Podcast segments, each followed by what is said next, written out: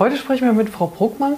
Sie ist Psychotherapeutin und Psychoonkologin und arbeitet seit über 20 Jahren mit dem Thema, wie Eltern ihren Kindern erklären können, dass sie an Krebs erkrankt sind. Das schauen wir uns nach unterschiedlichen Altersstufen an, haben uns auch schon angeschaut, die kleinen Kinder, Kindergartenkinder, Schulkinder. Und jetzt gehen wir ein auf die Jugendlichen, das heißt also vom 13. bis zum 18. Lebensjahr. Liebe Frau Bruckmann, das ist ja auch ein wirklich schwieriges Alter, wo bei vielen Familien ja sowieso, ich sag mal, viel eben Pubertät im Raum steht. Ja? Ähm, wie ist es denn dann, mit den Kindern über das Thema Krebs zu oder mit den Jugendlichen über das Thema Krebs zu sprechen? Also die Jugendlichen verstehen natürlich alles, davon mhm. müssen wir ausgehen, wie mhm. Erwachsene. Und wir müssen heute davon ausgehen, dass sie alle googeln. Ah, natürlich. Mhm. Genau. Das heißt, wir müssen davon ausgehen, die werden sich unabhängig von unserem Gespräch auch informieren mhm. und kontrollieren, mhm. ob sie die Wahrheit gehört haben. Das heißt, oh, bitte. Oh, das ist wirklich gefährlich, weil die Eltern ja oftmals bewusst nicht googeln. Also die Erkrankten tun ja oftmals nicht googeln. Naja, mir wäre es recht, wenn es noch mehr würden, die nicht googeln. Okay. Viele googeln, auch von den Erkrankten. Ja ich würde sagen, sicher 60, 70 Prozent. Mhm. Ich fürchte mehr. Mhm. Die Jugendlichen googeln alle. Okay. Es gibt niemanden, der nicht googelt. Mhm. Das heißt, wenn wir ein Wort in den Raum werfen, müssen wir damit rechnen, die werden nachgucken, was es ist und was es bedeutet. Mhm. Ähm, das heißt, wir müssen denen sagen, was es ist, ja. möglichst präzise und ihnen möglichst Internetseiten sagen, wo sie vernünftige Informationen kriegen. Also zum Beispiel Deutsche Krebshilfe, mhm. Universität Heidelberg. Ähm, da dürfen Sie gerne nachgucken und Ihnen sagen, egal wo ihr sonst guckt, mhm. das ist echt bescheuert. Lasst es bleiben. Mhm. Oder Ihre Internetseite, da kriegen Sie auch nochmal vernünftige Informationen. Aber wir brauchen wirklich äh, Infos für die Jugendlichen, die sie akzeptieren, die sie verstehen mhm. und die aber auch fundiert sind. Also zum Beispiel der Deutsche Krebsinformationsdienst, den finde ich auch eine exzellente genau. Seite, da würde ich definitiv auch empfehlen. Ja. Ähm, ja, also ich glaube, das ist aber echt wichtig, dass man wirklich nach guten äh, äh Seiten schaut. Es gibt natürlich auch im englischen Sprachraum viele gute Seiten, ja.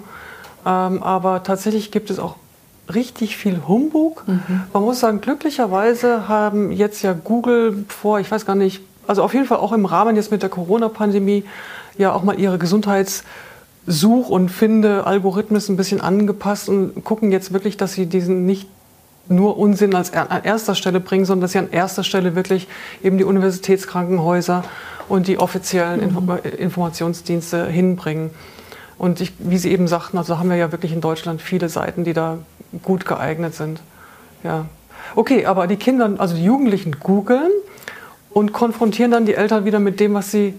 Nein, nee? sie, konfrontieren meistens ah, nicht. Okay. Sondern das sind Infos, die sie für sich haben. Okay. Ähm, ich finde ja, dass Kinder und Jugendliche in der Regel höfliche Menschen sind. Mhm. Das heißt, wenn die merken, das ist ein Thema, da wollen die Eltern nicht so richtig ran, mhm. dann werden die das auch nicht ansprechen. Ähm, das heißt, wir müssen davon ausgehen, die haben alle Informationen, die haben vielleicht sogar mehr, als mhm. wir das so gerne hätten. Mhm. Ähm, und darüber müssen wir aber im Gespräch bleiben, dass die auch wissen, okay, auch wenn die Informationen von wo, wer weiß woher haben, ähm, letztlich muss ich das abgleichen mit meinen Eltern, mhm. ob das so stimmt. Weil, keine Ahnung, wenn die einen Lymphdrüsenkrebs haben. Ja, gibt es viele unterschiedliche Sorten von. Genau, denen dann zu sagen, also wenn ihr nach Lymphomen guckt, mhm. es gibt, keine Ahnung, ich sage jetzt was, 50 verschiedene Formen von Lymphomen. Mhm. Das macht wenig Sinn, wenn ihr einfach bei Lymphomen guckt, weil dann ja. kriegt ihr die Katastrophen genauso wie die ist eigentlich gar nicht schlimm genau. und ihr braucht was Realistisches. Mhm. Mhm. Macht es Sinn, dass die Jugendlichen sich dann auch vielleicht dann nochmal außerhalb, also nicht mit den Eltern, sondern vielleicht sogar eventuell direkt mit den Ärzten oder so besprechen? Ist das, macht das Sinn? Machen Ärzte sowas? Oder dürfen die das überhaupt? Na, wenn die betroffene Person sagt, Ja. äh, ich möchte das gerne, dann dürfen die natürlich schon. Ja. Ähm, können die auch gerne machen. Ich würde es aber nur tun, wenn es irgendwie Misstrauen gibt. Weil als erstes mal sind die Eltern die Ansprechpartner. Und wenn es irgendwelche Gründe gibt, warum die Kinder misstrauisch sein könnten, zum Beispiel, weil sie irgendwelche wichtigen Dinge, vielleicht auch in anderen Zusammenhängen, lange nicht erfahren haben Ja. und sich nicht darauf verlassen können, dass die Eltern wirklich sagen, was Sache ist, dann kann es eine Hilfe sein, es nochmal extern abzusichern. Jetzt ist ja oftmals so, die erkrankte Person ist ja oftmals dann schon länger krank. Ich meine, also die meisten Krebserkrankten, die sind ja nicht so, alles ist gut und ich gehe zum Arzt und ich erfahre, habe Krebs. Also meistens ist ja so, man fühlt sich schon angeschlagen, man fühlt sich schon schlapp, man hat schon irgendwelche punktuelle Schmerzen und so weiter und so fort. Und oftmals ist ja so, dass man selber, aber eben auch die Familie mitkriegt, da ist irgendwas. Ja. Und dann geht man jetzt endlich zum Arzt und hat vielleicht die erste Verdacht. Wann, was ist denn ein geeigneter Zeitpunkt, um dann wirklich mit den Jugendlichen die einzubinden und zu sagen, da ist was? Schon beim ersten Verdacht oder auch erst, wenn Nee. die Diagnose da ist? Ja? Ich würde warten, bis die Diagnose da ist. Wenn die sich jetzt sehr lange hinzieht, was ja leider manchmal vorkommt, dann kann man schon mal vorher sagen, also irgendwas stimmt hier überhaupt nicht. Ich habe keine Ahnung, was es ist. Ja. Wir müssen jetzt warten. Aber ich verspreche dir, ich sage Bescheid, sobald ich irgendwas weiß. Und es dann bitte auch tun. Und jetzt überhaupt mal so ein Gespräch anzufangen mit den Jugendlichen ist ja schon allein oftmals das gar nicht so einfach. Wie, wie, wie, wie, wie stellt man denn das bei unseren hochbeschäftigten Jugendlichen, die sowieso ständig in online und mit Freunden und keine Ahnung was und, und, und reiten und, und, und turnen und weiß der Teufel was alles machen. Äh, wie kriegt man das überhaupt unter bei denen? Ich muss einen Termin mit denen machen. Okay. Tatsächlich? Ja. Also ich muss was Wichtiges mit dir besprechen, wann kann ich das tun? Nein, das tun wir nicht abends um 8. Okay, weil? Weil danach schlafen wir vielleicht nicht so gut. Würde ich jetzt nicht begründen, aber ich würde es nicht abends tun. Also danach muss noch irgendwas an Action passieren können. Also keine Ahnung, irgendwann am Wochenende, unter der Woche, mal am Nachmittag, irgendwas. Aber nicht abends um 8. Und dann brauchen wir einen Termin. Gibt keinen. Okay. Dann diktiere ich dir einen. Okay. Es gibt was zu besprechen und das besprechen wir. Egal, ob du das willst oder nicht. Mache ich aber nicht. Du kommst nicht in mein Zimmer. Doch. Ich komme in dein Zimmer. Und wenn ich die Sicherung rausdrehe und dann ist der Strom weg. Habe ich einmal erlebt, wo das Weil- nötig wurde. Okay. Sozusagen, okay. Mhm. Das ist die Notfallvariante. Meistens ist es ja nicht nötig. Und wie laufen solche Gespräche dann im Allgemeinen ab? tatsächlich das zu sagen. Also Ja. ich musste einfach sagen, bei mir ist ein Krebs festgestellt worden, dies und das. Deswegen ist jetzt geplant, ich kriege jetzt eine Chemotherapie, damit der kleiner wird und dann kommt eine Operation, dann kommt Bestrahlung. Wird jetzt eine hart, wird ein hartes halbes, dreiviertel Jahr, aber kriegen wir hin. Ich muss sagen, auch da kenne ich mich im deutschen Schulplan wieder nicht aus. Lernen Kinder Krebs in der Schule? Würde ich nicht von ausgehen, aber die Jugendlichen wissen schon mal meistens, was Zellteilung ist. Und die haben auch eine Idee davon, was Krebs ist. Auch da ist es wichtig, denen zu sagen, nur damit das klar ist, es gibt so viele unterschiedliche Krebssorten. Ein Brustkrebs ist nicht wie der andere. Das Ja. heißt, wenn du jetzt Brustkrebs googelst, dann kriegst du einfach viel Blödsinn raus. Wenn du das wissen willst, wir können uns zusammen Arztbriefe angucken. Erkläre ich dir. Okay. Und dann kannst du gucken. Und was ist denn dann oftmals den Jugendlichen dann wichtig? Also welche, welche Perspektive haben die denn? Was, was ist denen denn jetzt wichtig? Das ist natürlich total unterschiedlich. Ja. Ähm, aber wichtig ist, wie bei allen Kindern, dass das Leben weitergeht. Und für die Jugendlichen, und da sage ich jetzt mal so 16 plus, ähm, ist ja oft, die sind auf dem Absprung. Und durch die Erkrankung von einem Elternteil werden die eigentlich nochmal zurückgebunden. Also, die sollen dann mehr helfen, mhm. klar. Die fühlen sich oft auch loyal und, und mhm, wissen klar. nicht, ob mhm. sie raus können, sollen, dürfen, müssen. Ähm, und da nochmal ganz klar zu sagen, okay, dein Leben geht trotzdem weiter. Ja, selbstverständlich. Ich habe jetzt eine Patientin, wo der Sohn im Ausland angefangen hat zu studieren. Genau, wollte ich gerade sagen, ja. Genau. Aha. Und dann die Frage, also von ihm, darf er das? Mhm. Und wo die Patientin ganz klar, Gott sei Dank, gesagt hat, ja natürlich, du sollst das. Mhm. Und ja, sie vermisst ihn, ja, das ist schade, wie das ist, wenn die Kinder aus mhm. dem Haus gehen. Mhm. mhm. Ein lachendes, ein weinendes Auge vielleicht auch. Ja. Ähm, aber letztlich, das, die müssen wissen, sie, natürlich sollen sie raus. Mhm. Unbedingt. Ich glaube, das ist für Eltern, also man muss ja auch dann schon auch mal ehrlicherweise sagen, manchmal auch einfach von der Organisation her nicht einfach. Ne? Mhm. Also je nachdem, was da ansteht oder wie eben auch, ob es überhaupt zwei Elternteile gibt, ja, gibt es ja manchmal auch, auch gar nicht. Ja? ja. Ähm, was da alles ansteht. Und wenn es jetzt zum Beispiel so wäre, dass es tatsächlich nicht machbar ist, also dass tatsächlich der helfende Jugendliche gebraucht wird? Nein, das kann nicht sein. Das kann nicht sein. Das kann nicht sein. Dann da muss eine andere Lösung. Okay. Mhm. Weil, mal ganz praktisch, nicht alle Krebserkrankten haben helfende Jugendliche zu Hause. Ja, das stimmt wohl, ja. ja Und es geht trotzdem. Wohl, ja. mhm. Nein, also kein Jugendlicher kann so wichtig sein, mhm. dass er unersetzlich wäre. Mhm. Das heißt, wir haben unser System, wo wir eben Haushaltshilfe, äh, was wird noch genau. alles bezahlt, was kann man alles äh, anfordern? Äh, die Haushaltshilfe ist ein Problem. Ja, okay. Ja, die ist tatsächlich ein Problem. Die gibt es in seltenen Fällen, wenn kein Kind unter zwölf ist. Ah, wenn kein Kind unter zwölf ist? Ja, normalerweise gibt es die Haushaltshilfe nur für Familien, wo ein Kind unter zwölf ist. Okay.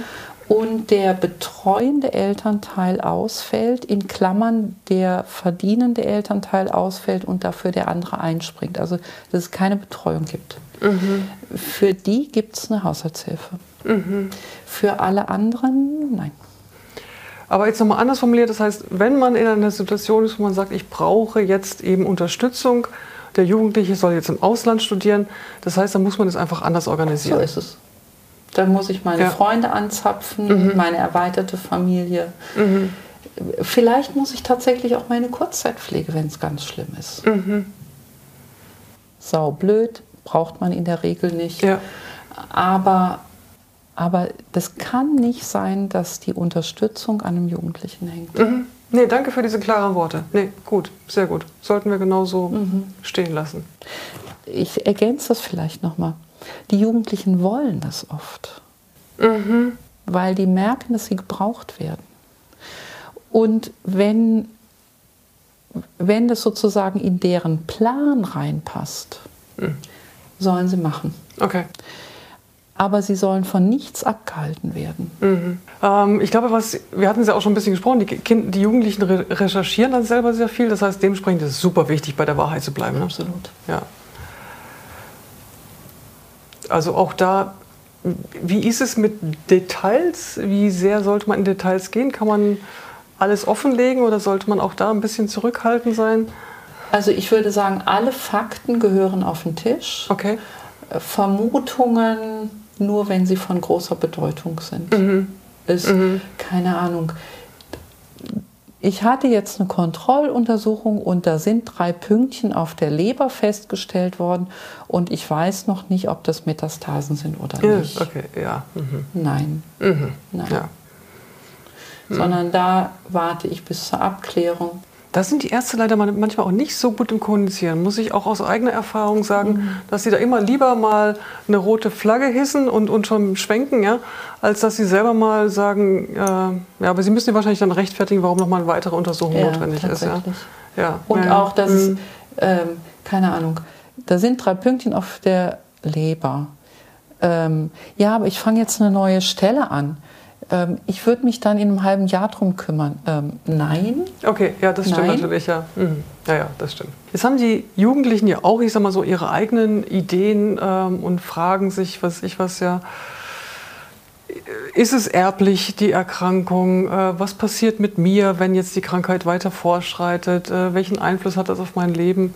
Ja. Wie, also vielleicht, ich weiß nicht, vielleicht würden das von den Elternteilen manchmal auch ein bisschen als egoistisch empfunden, wenn dann die Jugendlichen sehr intensiv an sich denken. Ja. Aber, Ist es doch auch. Ist doch auch in Ordnung. aber das heißt, es ist einfach wichtig, dann darauf einzugehen und diese Fragen dann Genau. ernsthaft und ehrlich zu beantworten. Genau. Ne? Mhm. Und ganz klar, wenn die erkrankte Person eine realistische Chance hat auf Heilung, Mhm. dann das so zu kommunizieren. Aber wenn irgendwie ist, hm, ja, wissen wir auch nicht genau, dann braucht es auch eine klare Perspektive. Mhm. Also keine Ahnung. Nein, dieser Krebs wird wahrscheinlich nicht mehr geheilt werden oder vielleicht nicht mehr geheilt werden. Aber dann gibt es, keine Ahnung, Antikörper. Mhm. Mhm. Und nee, so schnell sterbe ich nicht. Ja. Und ähm, manchmal gibt es ja sowieso, ich sag mal, schon bisschen aggressive Stimmungen zwischen Eltern und Jugendlichen. Mhm. Und die geht vielleicht auch nicht so spontan weg in so einer Mhm. Situation. Wie kann man denn sag mal, mit so einer aggressiven Grundstimmung dann umgehen? Die Frage wäre für mich, war die aggressive Grundstimmung schon vorher? Also das war jetzt gerade meine Annahme, ja, okay, ja. Aha. So wie man vorher auch damit umgegangen ist, oder? Und Okay. dann knallt's halt mal. Und wenn die jetzt aber, äh, wenn die jetzt vorher nicht da war? Dann würde ich mal gucken, was steckt dahinter. Ist der, fühlt der Jugendliche sich überlastet? Soll der auf einmal neben den Abi-Vorbereitungen auch noch die Küche machen und einkaufen? Und hat das Gefühl, boah, das schaffe ich einfach alles nicht mehr. Wobei Oh. jetzt mal so eine gewisse Hilfe. Können sie alles machen, aber das kann ja trotzdem ein Gefühl von Überlastung machen. Und dann muss ich gucken, ist die Überlastung tatsächlich da? Kann ich das nachvollziehen als Mutter? Oder denke ich, nee, also das kann er jetzt wirklich mal machen, dann müssen wir verhandeln. Und natürlich macht er das nicht gerne. Ich mache ja auch manche Sachen nicht gerne. Ja, wir alle. Ja. Okay. Jetzt hatten wir schon auch gerade ein bisschen gesprochen ähm, über ein Beispiel, wenn halt Jugendliche quasi überfürsorglich sind, also wirklich quasi in so eine Elternrolle einspringen. Das ist auch nicht gut, ne? Nee. Mhm. Da würde ich sie wirklich explizit entlassen, wenn Ja. ich das merke. Aha. Also, und das heißt, das zu würdigen. Mhm. Ich sehe, du hast hier total, du gibst dir so viel Mühe und du machst so viel für uns. Das ist wirklich puh, Mhm. grandios. Aber jetzt fängt dein Leben wieder an. Das ist zum Beispiel das ältere Geschwisterteil, das kleinere Geschwisterteil so quasi erzieht, ja. Heikle Geschichte. Ja. Das heißt auch, Auch da. da zu würdigen. Ich sehe, du gibst dir da echt viel Mühe, um mich zu entlasten. Aber ehrlich gesagt, ich bin die Mama. Ich mache das jetzt. Aber da gibt es natürlich einige Felsen zu umschiffen, ja. Unbedingt, Ja. unbedingt. Das ist Ja. auch wirklich schwierig, weil das Ja. ist ja, also diese Würdigung, die finde ich auch wirklich wichtig, Mhm. dass, die, dass die von Herzen kommt. Das, Ja. Da geht es nicht darum, ähm, so ein Blabla drum zu machen, ja, ganz toll hast du das gemacht, mhm. sondern dass, dass ich wirklich zutiefst anerkenne, das Bemühen Mhm. zu helfen. Und jetzt ist aber was anderes dran. Und die meisten Jugendlichen sind ja auch in der Schule, in der Ausbildung. Wie sollte man denn da die Lehrer, Ausbilder irgendwie informieren? Oder? Also die Lehrer würde ich unbedingt informieren. Auch da klare Ansage, nicht drauf ansprechen. Okay. Ähm, die Jugendlichen sagen manchmal, das wollen sie nicht. Das ist ihnen peinlich und Peinlich, weil sie dann als schwach dastehen naja, oder was? Oder? und das ist ja, sie sind doch cool. Ah, also das ist okay. ja eigentlich völlig uncool, wenn, wenn Elternteil zu Lehrer geht und sagt, hör mal, bei uns zu Hause ist Folgendes. Also viele tun sich das schwer, aber an der Stelle gilt, ich bin erziehungsberechtigt und ich entscheide das. Und ich kann verstehen, dass du es doof findest und ich tue es trotzdem. Und jetzt ist es ja schon auch so, dass man sich gut vorstellen kann, dass dann auch äh, Jugendliche dann auch mal Schulprobleme haben, mhm. beziehungsweise Schule ausfallen lassen, Aufgaben nicht machen und so weiter und so fort. Wie ist es denn da? Wir hatten also vorhin gerade gesagt, bei den Grundschülern ist es gar nicht so häufig. Wie ist es denn bei den Jugendlichen? Ja, schon öfter. Schon öfter, ne? Mhm. Und da gilt aber auch, das müssen sie. Mhm. Und da finde ich es auch wichtig, keine, wie soll ich sagen, keine Schonhaltung. Mhm. Der hat es ja so schwer. Naja, dann jetzt schlurt er ein bisschen mit den Hausaufgaben, dann lässt er es halt mal schluren. Nein, mhm. Hausaufgaben sind Hausaufgaben. Und müssen gemacht werden. Und müssen gemacht werden. Elternteil krank oder nicht krank. Mhm. Wird gemacht. Und zur Schule hingehen? Zur Schule wird gegangen. Mhm. Und dann kann ich gucken, was treibt dich denn da weg? Bist du unter Druck? Hast du Angst? Ähm, was treibt dich um? Vielleicht gibt es ja auch sozusagen noch zusätzliche Themen, ne? Alles. Was ich was, Mobbing in der Schule oder was ich was. Genau. Okay. Mhm. Liebeskummer. Mhm. Mhm. Kann alles sein. Aber mhm. Schule sausen lassen oder Ausbildung schleifen lassen wegen Krebserkrankung, das ist eine Ausrede. Die gilt mhm. nicht. Mhm. Und gibt es denn, also ich sag mal, die Eltern, es ist ja schon ja auch echt ein Batzen, was die Eltern da zu, ja. zu managen haben. Ja. Gibt es denn da nochmal Hilfe, die man sich da nochmal holen kann, gerade in solchen schwierigeren Situationen, wenn die Jugendlichen eben die äh, Schule sausen lassen oder was ich was? Ähm, Krebsberatungsstellen okay. gibt es. Und die kann man die Jugendlichen hinschicken? Oder? Sowohl als auch. Okay. Mhm. Sowohl als auch. Ähm, die bieten manchmal auch speziell was für Kinder und Jugendliche an. Also gibt es in verschiedenen Stellen, Städten in Deutschland, gibt es Angebote speziell auch für die Kinder, Jugendlichen von krebserkrankten Eltern. Gibt es dann auch so eine Art Selbsthilfegruppe unter Jugendlichen, die funktioniert? Ähm, nein. Also ähm, es gibt immer mal wieder Angebote, ja. die zum Beispiel ähm, Wochenenden anbieten. Die Waldpiraten gibt da gibt es ab und zu mal Angebote oder das findet man im Internet ist unter genau Waldpiraten okay. mhm. oder ähm, Tanzwochenenden Ach. für speziell für Mütter mit Töchtern, weil die Jungs die wollen das oft nicht so. Ja, okay. Äh, Elena Mannheim ist da führend. Okay. Ähm, und das sind sozusagen informelle Selbsthilfegruppen. Mhm. Das heißt, die, die Kinder, die Mädchen, die Jugendlichen, die vernetzen sich darüber häufig. Ah ja, gut, okay. Aber das ist ja schon mal ein erster Schritt. Ich weiß nicht, vielleicht Social Media, vielleicht gibt es auch etwas, aber wissen wir beide nicht. Ja. ja. ja. Ähm, es gibt immer mal so einzelne Angebote, aber die werden relativ wenig genutzt. Okay. Tatsächlich. Mhm. Ähm, Herr Trabert hat da mal was gemacht. Ähm, Flüsterpost. Und gab noch mal was, da komme ich jetzt nicht drauf. Aber es gibt was, aber die werden erstaunlich wenig so ah, genutzt. Okay. Mhm. Sondern ich glaube, das geht immer über, über ein konkretes Gegenüber mhm. Und dann vernetzen sich, weil sie sich dann kennen. Mhm. Jetzt hatten wir auch ganz viel schon über Alltag gesprochen. Ich glaube, das ist ja wirklich auch eine ganz wichtige Nachricht, ne? dass Alltag einfach stattfinden muss. Unbedingt. Das heißt eben Alltag auch inklusive Freunde. Das heißt, dass die Jugendlichen zu ihren Freunden gehen, genau. auf ihre Partys gehen. Mhm. Und wenn ich beobachte, mh, hm, mein Sohn, der bleibt immer bei seinem Papa sitzen, weil er den gar nicht aus den Augen lässt, mhm. mit ihm zu sprechen. Warum? Mhm. Fürchtet er irgendwas? Mhm. Und ihn dann auch ein bisschen rausschubsen. Mhm. Okay. das muss man dann natürlich als Eltern dann auch erstmal sich so ans Herz fassen. Mhm. Und da dann Weil das ist ja auch ja. praktisch. Ich glaube, ja. sich klar zu machen als Eltern, ah, das ist natürlich super, wenn der dann beim Papa sitzt und, und ja. ich kann dann irgendwas anderes machen. Mhm. Aber es ist nicht gut. Mhm.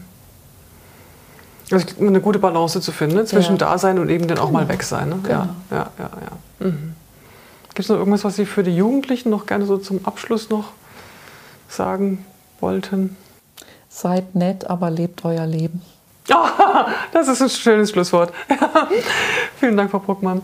Damit haben wir dann diese Serie abgeschlossen und haben gesprochen eben über die Kleinkinder, Kindergartenkinder, Schulkinder und Jugendlichen wie Eltern denen sagen könnten, dass sie Krebs haben.